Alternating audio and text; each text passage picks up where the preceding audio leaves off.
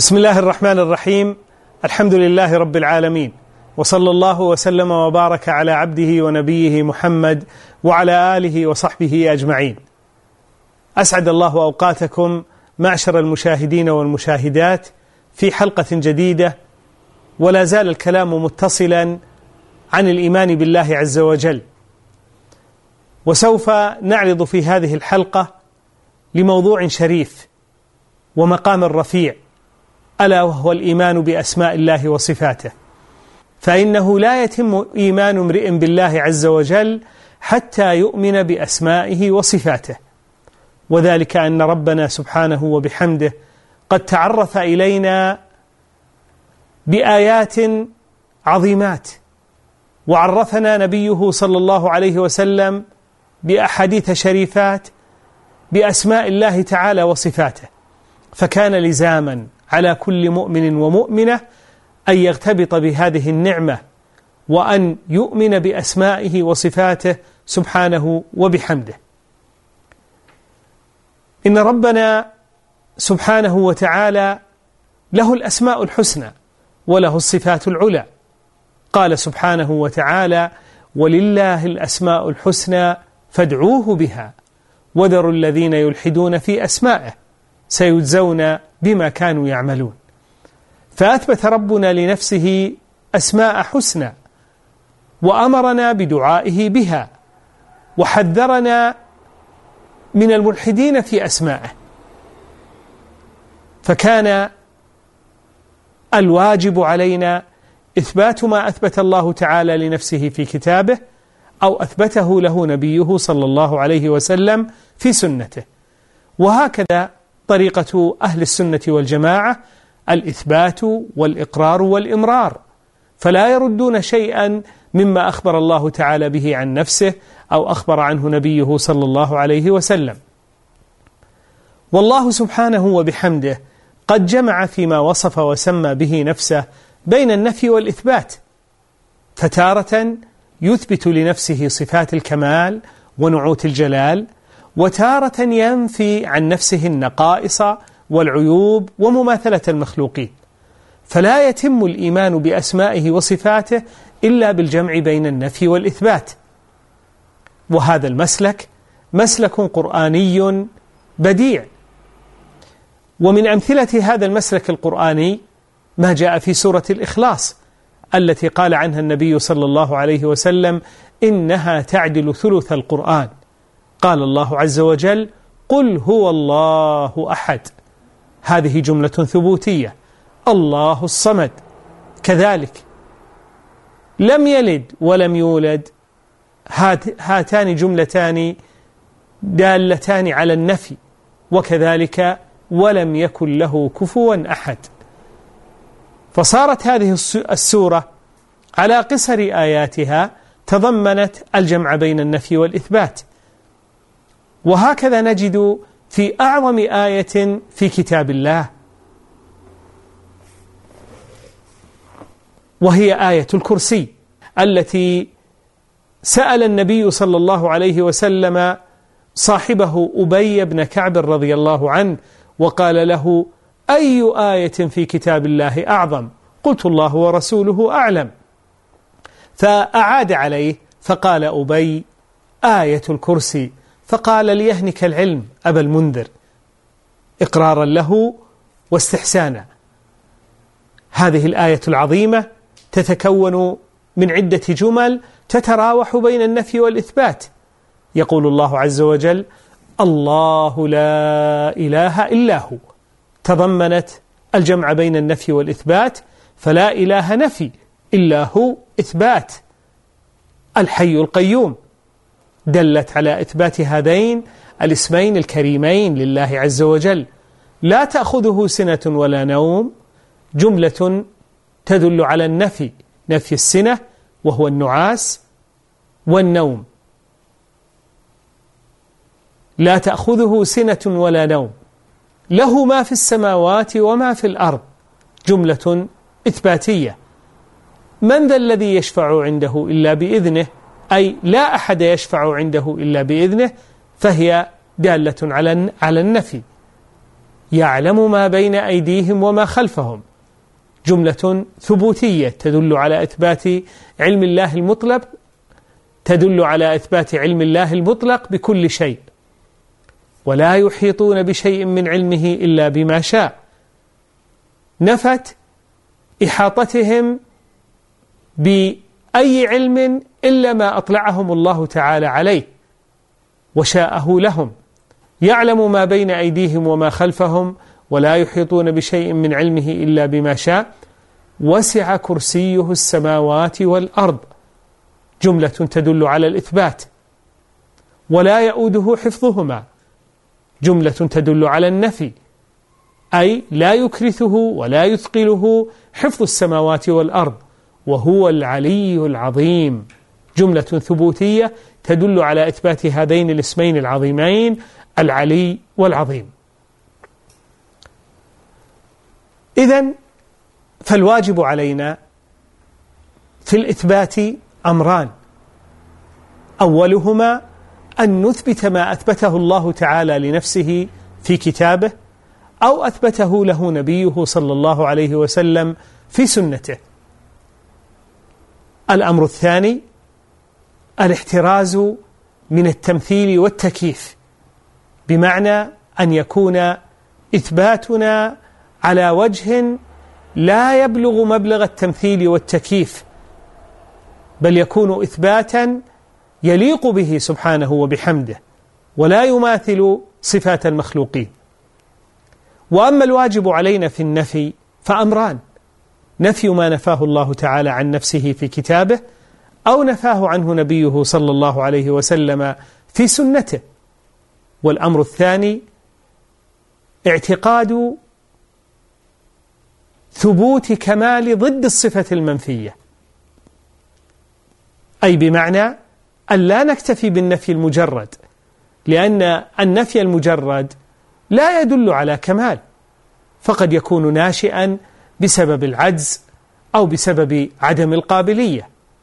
لذا لا بد أن نضمن نفينا عن الله عز وجل ما نفاه عن نفسه أن نضمنه ثبوت كمال ضده ويتبين هذا بالمثال.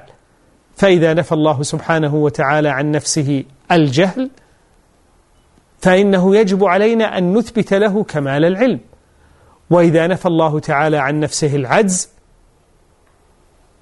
كما قال وما مسنا من لغوب فإنه يجب علينا أن نثبت له كمال القدرة وإذا نفى الله تعالى عن نفسه الظلم كما قال وما ربك بظلام للعبيد لازم أن نثبت لله تعالى كمال العدل وكذا إذا نفى عن نفسه الولد والوالد في قوله لم يلد ولم يولد وما شابه هذا فإننا نثبت له كمال الوحدانية وإذا نفى عن نفسه السنة والنوم فإننا نثبت له كمال القيومية. فلا بد من استصحاب معنى الإثبات فيما ننفيه عن الله تعالى من صفات النقص والعيب ومماثلة المخلوقين. بقي مقام ثالث وهو أن ينسب إلى الله تعالى وصف لم يرد في الكتاب ولا في السنة نفيه ولا إثباته. وقد وقع هذا من بعض المتكلمين فصاروا ينسبون إلى الله تعالى أو ينفون عنه ألفاظا لم يرد فيها الكتاب ولا السنة. وأسماء الله تعالى وصفاته توقيفية. يجب أن يقف يجب أن يقف فيها المرء مع موارد النصوص لا يتعداها لا يتجاوز القرآن والحديث. فالواجب علينا فيما لم يرد فيه نفي ولا إثبات أمران. أما أحدهما فهو التوقف في ذلك اللفظ فلا نثبته ولا ننفيه لأن الله تعالى يقول ولا تقف ما ليس لك به علم إن السمع والبصر والفؤاد كل أولئك كان عنه مسؤولا. ولما ذكر الله تعالى كبائر الإثم وعظائم الذنوب ختم ذلك بقوله وأن تقولوا على الله ما لا تعلمون فمن القول على الله بغير علم أن يضاف إليه وصف لم يصف به نفسه أو ينفى عنه فلا بد من كتاب أو أثارة من علم. أما الأمر الثاني فهو الاستفصال عن المعنى فإن بعض من يعبر يسيء في التعبير وربما قصد معنى صحيحا. لهذا كان لزاما أن نستفصل عن المعنى. فنقول لهذا القائل ما أردت بقولك كذا وكذا. فإن ذكر معنى صحيحا قبلناه. وتحفظنا على على اللفظ. وإن ذكر معنى فاسدا رددناه ورددنا اللفظ أيضا.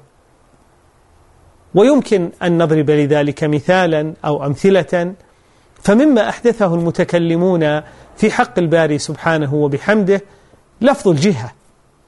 ونحن إذا فتشنا في كتاب الله وفي دواوين السنة لا نجد أن الله سبحانه وتعالى أثبت هذا اللفظ ولا نفاه ولذلك فإنا نقول ابتداء إن هذا اللفظ لفظ بدعي لفظ محدث فلا نعبر به عما ينبغي لله عز وجل.